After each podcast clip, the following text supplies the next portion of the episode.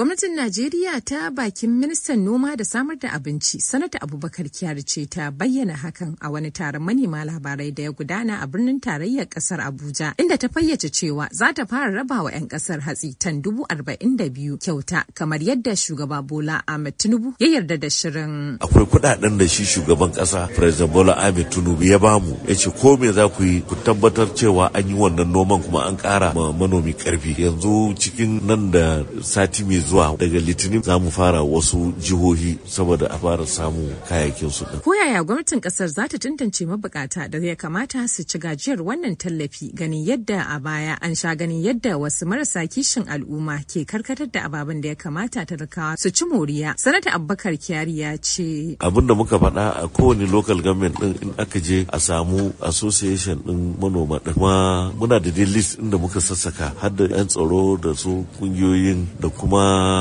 traditional rulers muka sa su ma su shiga a cikin a wannan kwamiti din su ne za su ba da sunaye kuma su za a ba kaya su raba a wajen don saboda agro dealer kowa ya zo karɓan kayansa sai an tabbatar eh yana da gona a wurin eh zai je noma tukuna kuma ya sa hannu a wannan takardar da muka bayar tukuna ya ɗauka kayan kuma za a ɗauke shi hoto. A game da batun yadda gwamnonin jihohi za su iya ba da tasu gudunmuwa wajen rage matsalar yunwa baya ga ƙoƙarin gwamnatin tarayya sanata kyari ya kara da cewa. Mu dai kamar yadda muka samu irin response na gwamnoni da muka gani da yake halin da ake ciki ba ya kai to kowa ya tashi tsaye kuma mun gan yadda suka tashi tsaye suka duba suka gani akwai kamar irin su Niger su Jigawa Kebbi Katsina Sokoto Kano duk sun tashi tsaye. Sai dai duk da wannan matakin da gwamnati ta ɗauka tsohon kwamishinan yada labarai na jihar Adamawa Malam Ahmad Sajo ya ce matsalar ta wuce tunanin gwamnati. To wallahi alal hakika ana cikin halin haulayi ba ma kawai talaka ba. Yanzu haka inda nake aiki akwai manyan ma'aikata da muke tare da su wadda sun kasa zuwa. Na kira su mai hana su zuwa suka ce ba su da ma kuɗin sa mai a mota. To idan wanda yake ma karɓan albashi mai dan dama ya ce maka ya kasa to kai tunanin wanda yake karɓan ƙaramin albashi ko kuma wanda ma bai da ma wata hanya banda neman yau da kullum. Abu na biyu yau ɗin nan mura ta kama na je zan sayi magani aka sayar min magungunan ƙwaya takwas aka sayar min da shi dubu goma sha ɗaya ɗari biyu. Abin har ya bani tsoro. Na rasa me zan faɗa. To abinci abin ya zama ba a magana. A yanzu haka buhun masara ya kai dubu sittin. Kuma yanzu fa kaka ake. Damuna ake tsadan abinci ba yanzu ba. Muna gani al'amarin fa yana so ya wuce min sharin ya kai mahalaka. Dole ne a ɗauki matakai na tabbatar da cewa an sauko da wannan abin. A koyaushe gwamnatocin najeriya akwai kuskure da muke yi a wajen shugabanci. Kuskuren